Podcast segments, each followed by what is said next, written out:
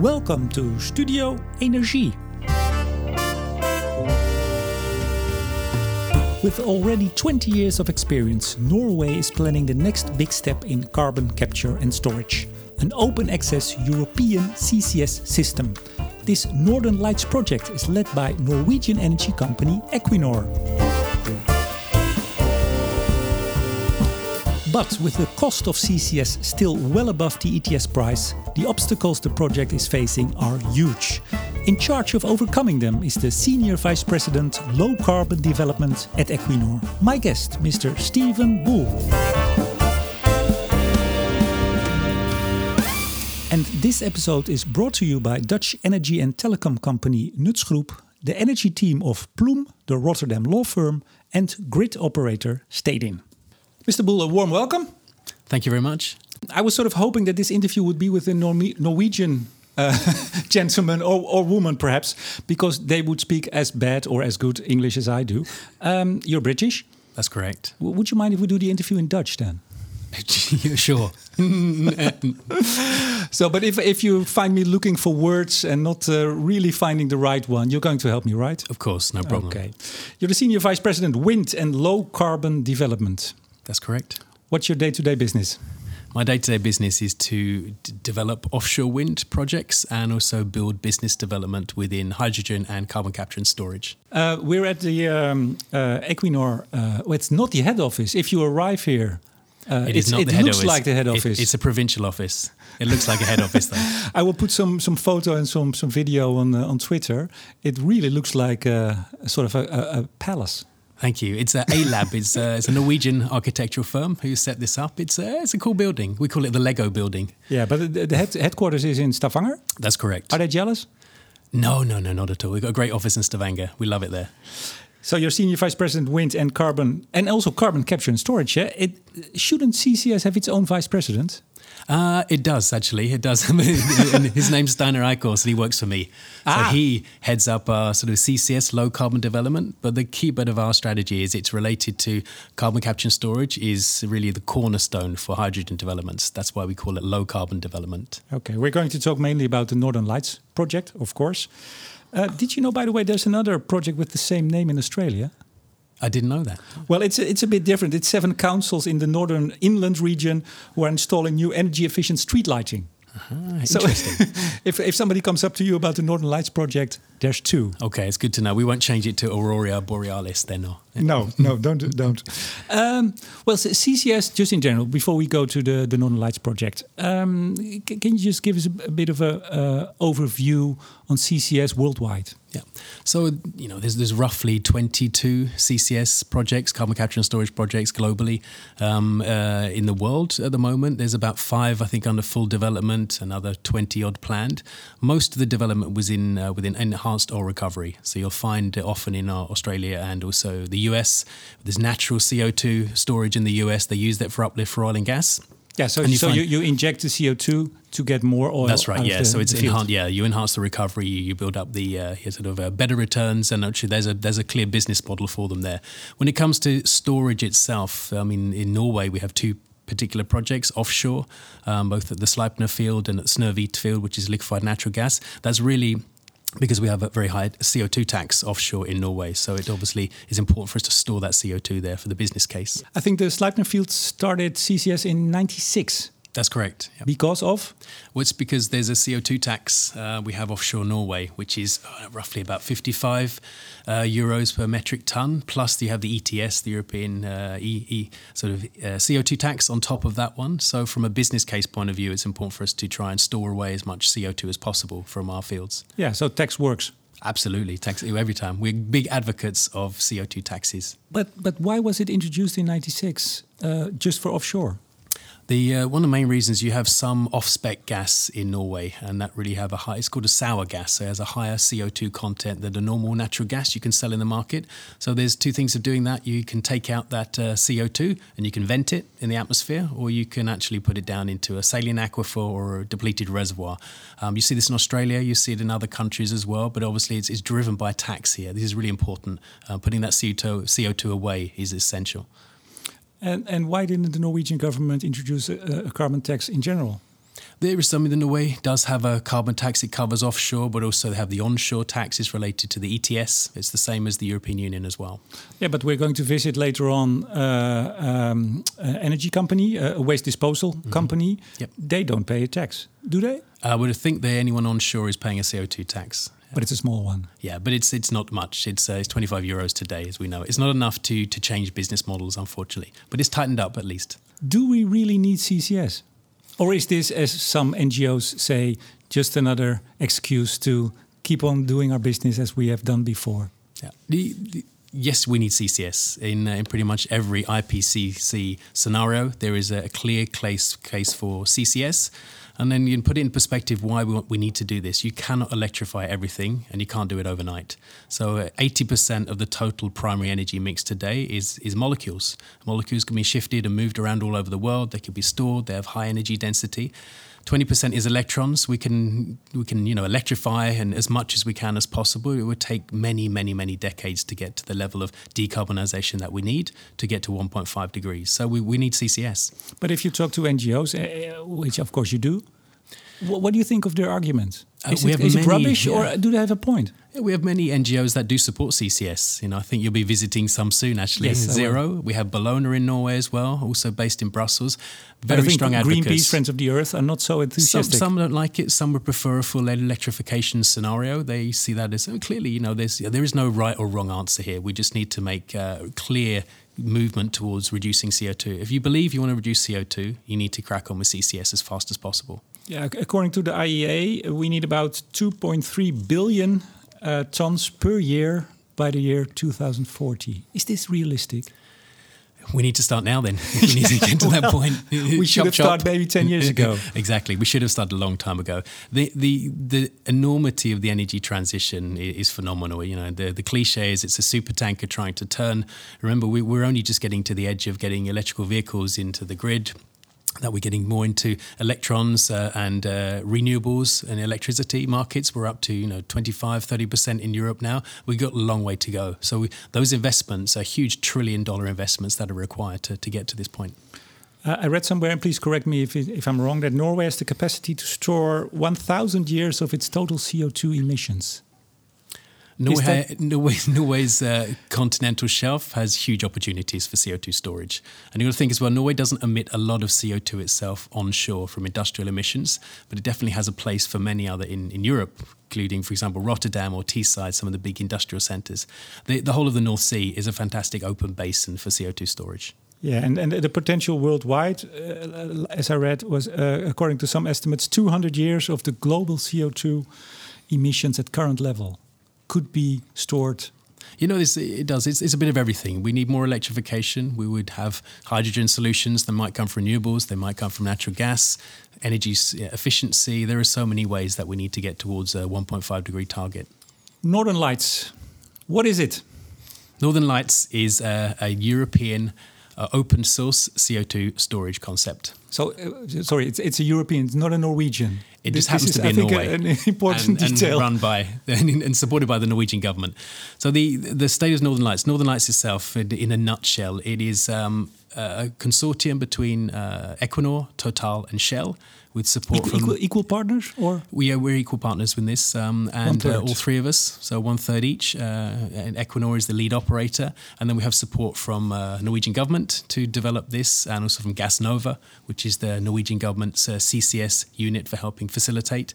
And what we're looking into is actually a full transportation and storage concept for two particular projects in Norway. One is a cement plant, and the other one is the waste plant, which we'll be visiting over the fjord in a, in a little bit. Yes. And uh, also opening up for third party volumes. So we are looking and talking with, you know, at least 14 to 15 different progressive European companies looking at CO2 storage as a concept for them, and this covers the whole of uh, you know northern European countries in particular. Yeah.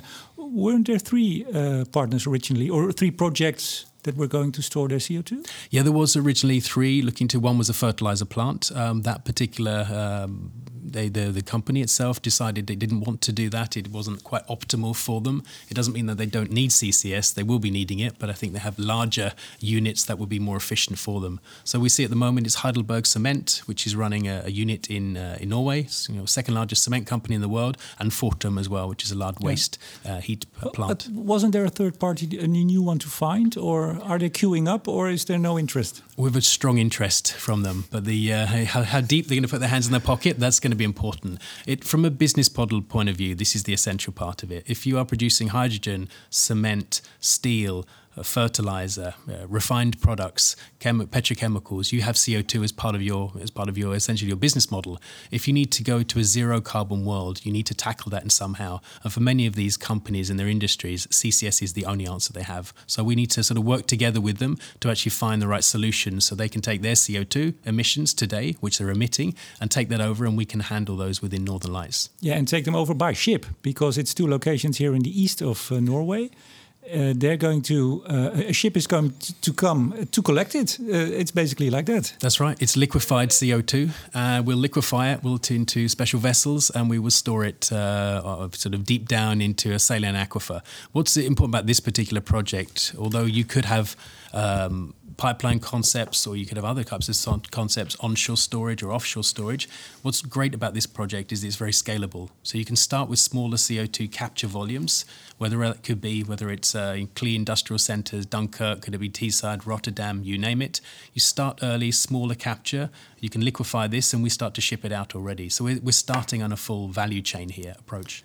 But uh, when you read about a project, it sounds uh, at least quite complicated because at the, the two locations you have to store it first, you have to liquefy it. Uh, ship has to come and get it. Special vessel. I think it's being designed right now. Mm-hmm. That's right. Final, final mm-hmm. uh, de- detail engineering. Uh, then it's going to be brought uh, to to a sort of a, collection facility or something like that. Eh? Yeah. One so point. Yeah. On, so it's onshore again, in, storage. Again, in, yep. in, in, uh, it's going to be stored. Mm-hmm. Then th- through a pipeline yep. to the the seabed uh, somewhere the the troll uh, is it called troll field we call it the aurora uh, ah, area okay yeah. but it sounds quite complicated mm -hmm. it sounds nice scalable of course i believe you but it sounds quite complicated and going to talk about it later expensive mm -hmm. perhaps first so, of all is it complicated complicated. Uh, this is the first time we'll be pulling together this type of business model. So this is CO2 transportation over different countries, different boundaries from different industries as well. This is you know pretty unique in that respect when it comes to technology, this is tested technology. The CO2 capture is already there. Transportation of CO2 is already quite normal, whether by ship or by pipeline. Storage of CO2, we've been doing it for decades, and we know it's actually pulling the whole concept together. So that's the, the issue, and actually finding a business model to do this as well, that we have to be within the money at some point. It's talking about the technology, all the different parts are done before. It's proven technology, you're right. But the whole chain, everything has to come together. That has not been proven yet.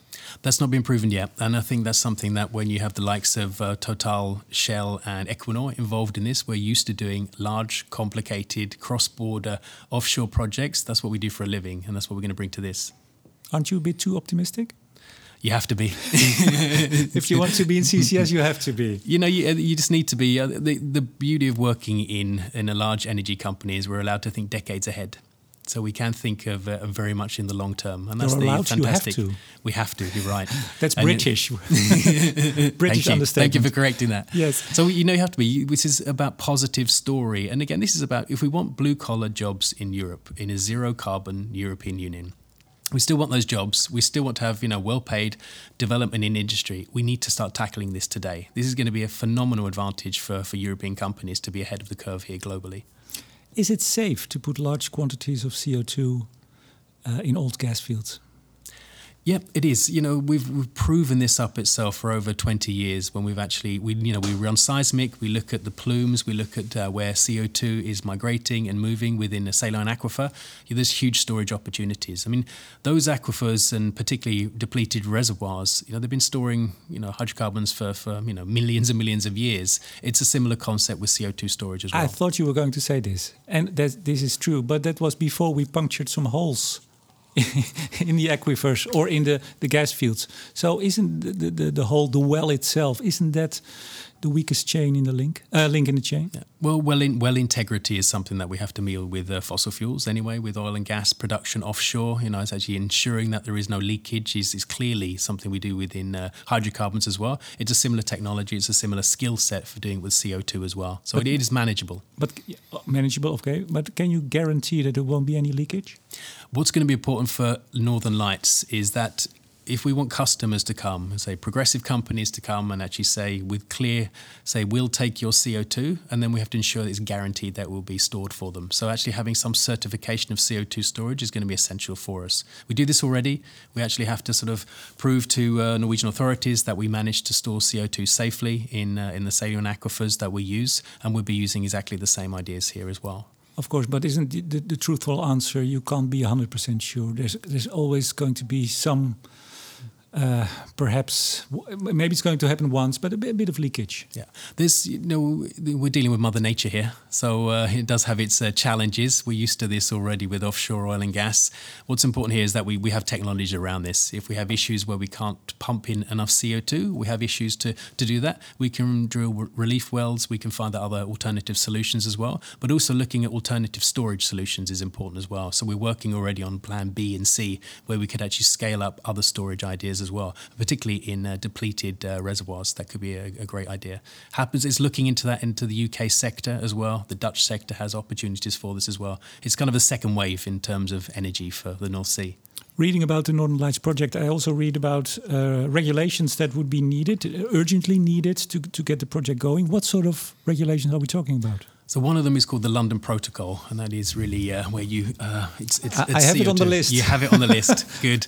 Uh, glad you mentioned it. So this is quite simple. As the CO two is treated as a hazardous product and, and is not allowed to be um, transported over national bar- uh, boundaries.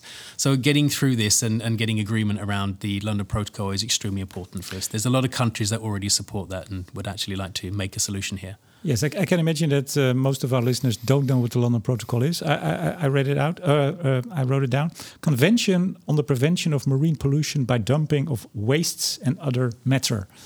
It's uh, from 1972. And one of the problems is that uh, cross-border transportation is not allowed at the moment because you, uh, when we started this interview, you talked about it's a European concept. It's it's a solution for many countries. Uh, bring us your CO two. Mm. Uh, what you're mm. saying basically, but you can't. You can't collect it. They can't bring it at the moment. No. So this is where we uh, the important part of having the Norwegian government involved in here. Plus, the Norway and the UK have a CCS uh, agreement as well. Have a memorandum of understanding between the two countries. I should think Norway will be doing that with many other uh, Northern European countries as well. And this will be to look at to find solutions around the London Protocol. It's uh, it is it is a barrier in in a regulatory sense, but it's something that can be achieved. We believe because there was an amendment already in 2009 which should make it possible to to do this mm-hmm. uh, pan European. Uh, but it has to be ratified by two thirds of the 50 parties. And I think only a handful has, has done it from now mm-hmm. and now.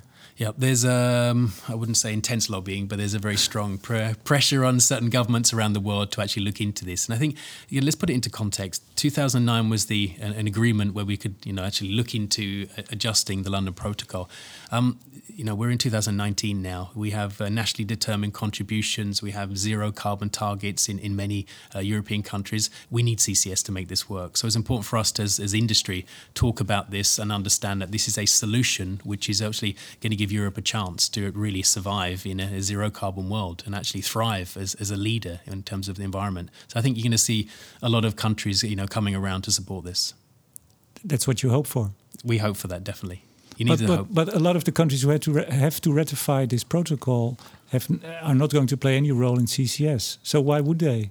Some will also need some role in CCS as well, although this is often we think of Northern Lights around a northern, you know, North Sea basin uh, concept. We see other countries from Eastern Europe in particular, they have you know a lot of waste plants that need to be managed as well. Also, they have many companies that could see an exposure and, and business models related to, to CCS as well. But also they might see it for CO2 utilization, the you know the CCUS that's really important for a lot of countries as well. So I think you know getting a progressive movement together to support this would be uh, would be fantastic. I was at a CO2 or a CCS, sorry, CCS uh, uh, gathering last week, no, two weeks ago in the Netherlands. All people specialized in CCS, and they, they were a bit down in the dumps uh, about the London Protocol. Mm -hmm. I think your optimism is from, is quite uh, well refreshing. Well, you, you need to be, you know, to work this. I think you know these things can be achieved. I think imagine the you know getting through the Paris Agreement that uh, pretty much every country in the world, bar a couple, um, agreed to actually have a, a, such a phenomenal target towards CO2 reductions. That is pretty amazing. You've, you know, we, have got to work this. And again, the only way we solve the climate issues we have to, is together with other countries. So I think getting movement behind that is really important. We've talked about technology, regulations a bit now. Um, cost because when we when you see you have to you have to uh, capture it, you have to store it, ship has to come, well, etc. Mm -hmm. It sounds really expensive. Is it? There are costs involved in this. there are costs involved. yeah, the, so the, the price tag is, is, is public information uh, that uh, the Norwegian government has looked into. It's been initially priced at potentially about 1.2 billion euros for these two particular projects, plus the um, transportation and the storage concept. So this is kind of anchoring, underpinning the you know the first level of, of this. And then there's a, dis- a, discussion about how much more extra capacity we need for these third-party volumes that I'm talking about.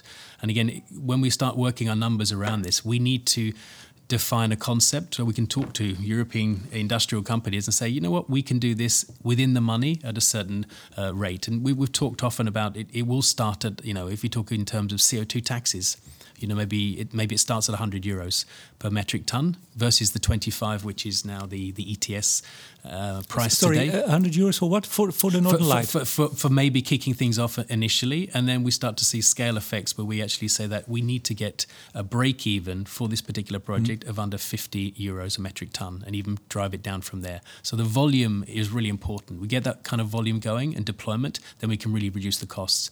Exactly the same as onshore wind, solar, you name it, deployment deployment, deployment. And what's the price now again for the, the offshore Norwegian tax? 55? We have about 55 plus the ETS on top. But this is, remember, this is different. This is offshore CO2, sure. CO2 emissions. If we had uh, other European countries who put a heavier tax on there, or even a push or a direction to squeezing the European uh, ETS, CO2 tax, then we could see a lot of companies wanting to move on this. It might be actually better for them to actually lock this in now than actually to wait for the risk of seeing a very high CO2 tax in the future. Yeah, because, because Northern Lights is still a demonstration. It's full scale demonstration. It's not the big thing.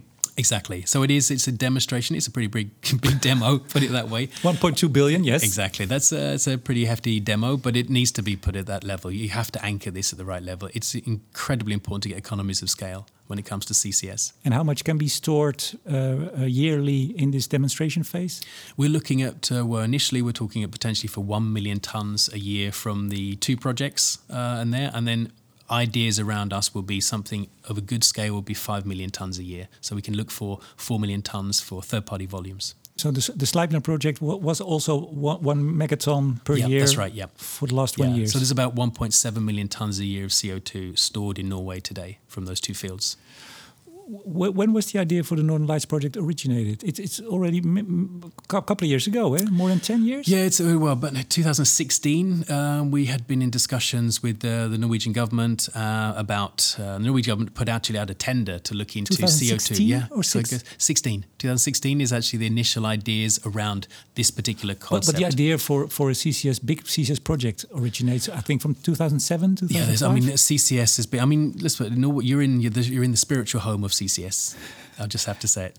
So, but Norway has been thinking and working on this for a long time, from SINTEF, one of our research organisations, to NTNU, which is you know, one of the key technical universities in Norway. You know, CCS is, is you know a concept which has been talked about for, for many many decades. Yes. But coming to the level of taking third party volumes, industrial CO two capture from other countries and for other industries, that's a fairly new concept. I'm asking you this because I, I was I'm curious. Is this originally just thought of uh, as to store uh, Norwegian CO2 and to, to, to curb uh, climate change? Or is this a business idea? So it's a bit of both. It, it, originally started to, to look into those original three projects that uh, we mentioned initially uh, for CO2 storage, and that will help Norway, you know, come towards its climate targets, which are basically aligned with the European Union as well, exactly the same climate targets.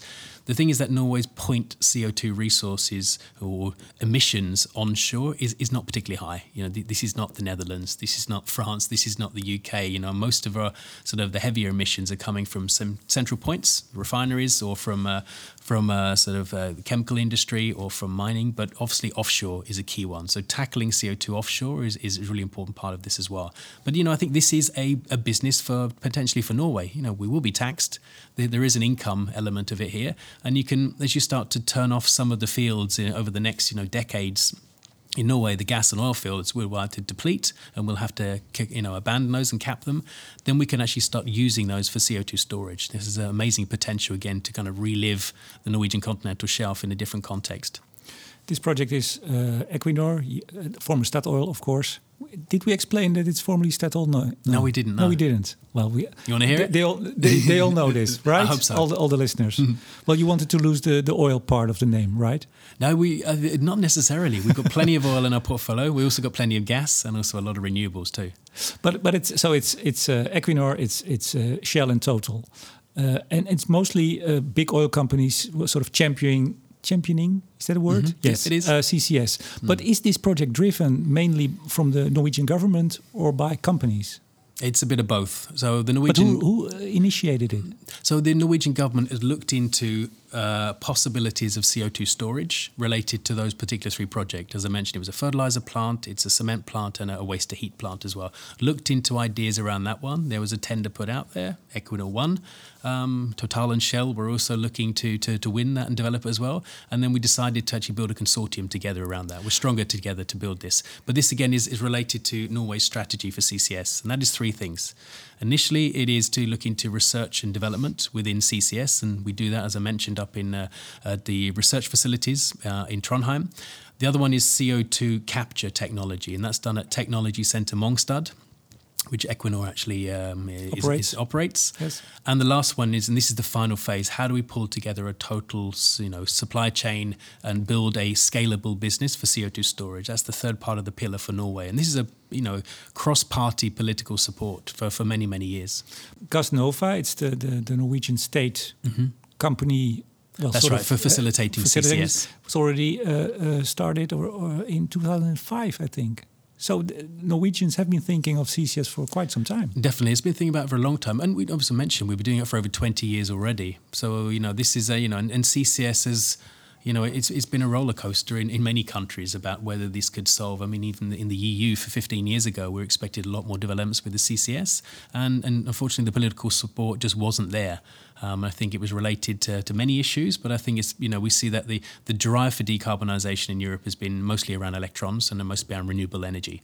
But now we see this is the next phase in actually decarbonising Europe. So CCS is necessary, but it's been this is no new idea and no new technology. You said it's a cross-political party, um, uh, well, initiative or mm -hmm. support, because at the moment no, no, Norway has a, has a minority cabinet. It's a majority one now. It's a majority yes, one. Oh, since yesterday then? no, no, is a centre-right majority. Uh, it is. So, but the you know what's unique about this country is as you see the support here, and you know hopefully you'll get this when you speak with NGOs as well. But you know we're in discussions, and you can see you know when literally when this is announced, you can see we have uh, MDG, the Green Party, on one side, and we have the Progress Party on one side. All of them are supporting this project. It's, it's fantastic, and it's, it's quite unique in terms of European countries. So that's quite inspiring correct me if I'm wrong again, but I understand that there isn't much of a public debate about CCS. Is that correct? Yep, that's correct. Um, there isn't really a debate. It's not like you have, particularly in uh, in Germany or the Netherlands. Uh, I don't think you have a very strong debate in the UK either. What, Why? Why isn't there any debate? I because think, of Sleipner? Yeah, because of 20 I think, years yeah, I think just because of this experience that we've had experience and, and a trust in, in in oil and gas companies, and particularly I think within Equinor to actually to manage this with all the integrity that we have, but also you know, this is a country that is, you know, feels comfortable about, you know, oil and gas, fossil fuels, just like the, the UK does as well. So it's, you know, it's part of, you know, a big part of the sector, but also it's seen as a, a big part of solving for climate change as well. How familiar are you with the, the Dutch situation on CCS? A little bit familiar. You, you know, we have much more debate about it. Mm. Yeah. Is there any advice you can give to the Dutch how to handle a subject like CCS because you've been doing it for quite some time, quite quite mm -hmm. experienced. Yeah. Um, we're just starting. Yeah, I think the I can't get advice, but if at least uh, the the right approach potentially would be to just not be so entrenched initially. Sort of maybe take a step back uh, and differentiate between what are we looking for. We're trying to solve for one thing here. We're solving for climate change That's what we're doing. We're trying to solve for CO2. Um, there are many paths towards that. That goes for transportation, heating, industry, agriculture, you name it, across all sectors. It's this is you have to think beyond business as usual. So I think it's not electrons won't just save us uh, when it comes to actually decarbonisation. Take a proper look at the molecules, take a look at the energy mix, and then have you know an informed debate and discussion around it. I think that's the, the key bit, and particularly use the evidence from Norway, use from from other countries as well, and actually see this as part of a toolbox uh, for for solving for climate change. Uh, do you get a lot of Dutch visitors here? At Mongstad the, or, or, at your company? We do, yeah. So we uh, we do get visitors from uh, from the Netherlands, definitely. Um, but all supporters, right? not, not, necessarily, not necessarily. Well, I think you, you might have find some politicians and also from the European Commission as well who have you know either visited Technology Centre Mongstad or even maybe gone out and, and visited Sleipner as well, who maybe have some element of, of scepticism um, we've seen that with you know some German politicians as well. But I think hopefully at least they can come back and actually really sort of look at this and think as though they have a bit more evidence about how this looks and, and actually what the possibilities are for CCS. Is, is the European Union supporting your project? I, I understand it's sort of a lukewarm reaction to all the stuff happening over here. Well, we see that the the European Commission in particular has you know clear goals around decarbonisation. Um, we have a project of common interest which we're applying to for on the Northern Lights for for getting some EU uh, innovation fund support um, within the next two years. So I think there is clearly a path towards supporting CCS projects uh, with the European Commission through Innovation Fund money. So I think that's strong. Um, we need to capture that more broadly, particularly within the new European Parliament as well, but also with national governments. Now, you can see that even the interview recently with Angela Merkel in Germany has, has really sort of put, you know, on a CCS clearly on a front page newspapers in, in Germany. That's the first time for a while, and that opens up a really good opportunity for, for having a debate and discussion. There was a report last year, I think, by the European Audit Office uh, about, I think it's a couple of hundred million mm. euros that was spent in subsidizing CCS initiatives. Didn't went anywhere, went nowhere. How damaging is this for the Northern Lights project? I don't think it's damaging. I think you know we just need to put clearly the best case forward for it. I think the the, the, the European funding mechanisms now are probably cleaned up and more bespoke towards possibly supporting CCS projects as well. Porthos in the Netherlands as well is obviously one of the contenders. Uh, in addition, so there are several other projects, you know, they're looking into, you know, potentially getting EU support. But I think this is again the important part is that we have a, a proper discussion around it, and it's not just about CCS. CCS is really a cornerstone for deindustrializing, you know, for decarbonising major parts of the industry, but also having opportunities within hydrogen as well. It opens up complete other doors for, for European industry. You mentioned Porthos, the, mm-hmm. the, the Rotterdam, the Dutch Rotterdam mm-hmm. project. Uh, are they a competitor, or just are you just all working uh, along quite nicely? I think you know we actually will work pretty good along nicely as well. There's there's other projects in the UK as well that we you know support, and we're in discussions with all of these. We need a lot of CCS project. It's not going to be either or. We need all of these. So I think we support and champion all the other projects going on as well. So I think it's really important that we actually help each other to to try and solve for this. So, final question, or almost a final question. How far along is the project? Because if you read about it, and well, I'm visiting here now for three mm. days, and it looks like, or it sounds like, that it's going to start any day. But where are you? In which phase are you at the moment?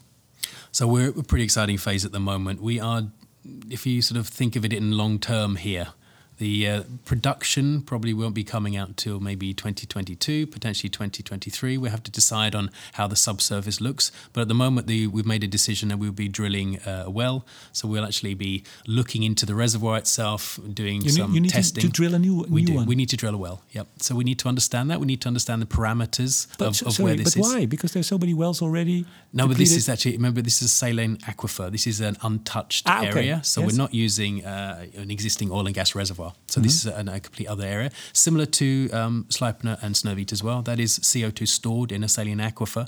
So it's essentially the CO2 migrates and absorbs in the brine down there, several kilometers down to the, the seabed. So we need to test the parameters of that. So we're doing that. Uh, we're in the fourth quarter as partners with uh, with Shell and Total, and then we need to do our subsurface data. We need to run tests, pressure tests, and actually understand what is the capability for this. But the key part would be actually we need to start putting CO2 down there, and then actually we actually sort of learn as we, we go along. So we build models, we build subsurface models, and look into this we need to come a long way. You know, there's a lot of risk involved in that. and also there's costs as well, drilling an offshore well, uh, no doubt about it. And also, really, the government is looking to making a final investment decision around the 2020 timeframe. But obviously, it won't want to take that decision until it knows clearly that we have a, a proper, solid concept that we can store CO2 safely. Yeah, so so still no final investment decision yet. Not yet. No, no, that will come. And again, you know, we're, we're, we're patient people. We're used to working with oil and gas, so it takes years to do this, and we've got to do the job properly. You know, there's a lot of risk involved in this, and again, if you start with the back end of the business model in CCS, you want to make sure the integrity, scalability, and size of the CO2 storage is there. Then we start can you know can really start building the customer base, the transportation solutions, and, and, and the capture. Stephen Bull, Senior Vice President Wind and Low Carbon Development. That's it. Uh, at Equinor, thank you very much for this interview. I also uh, like to thank our sponsors Dutch energy telecom company Nutsgroep, the energy team of Ploum, the Rotterdam law firm, and grid operator Stedin. And of course, thank you very much for listening. My name is Remco de Boer, and I hope you'll tune in again next week.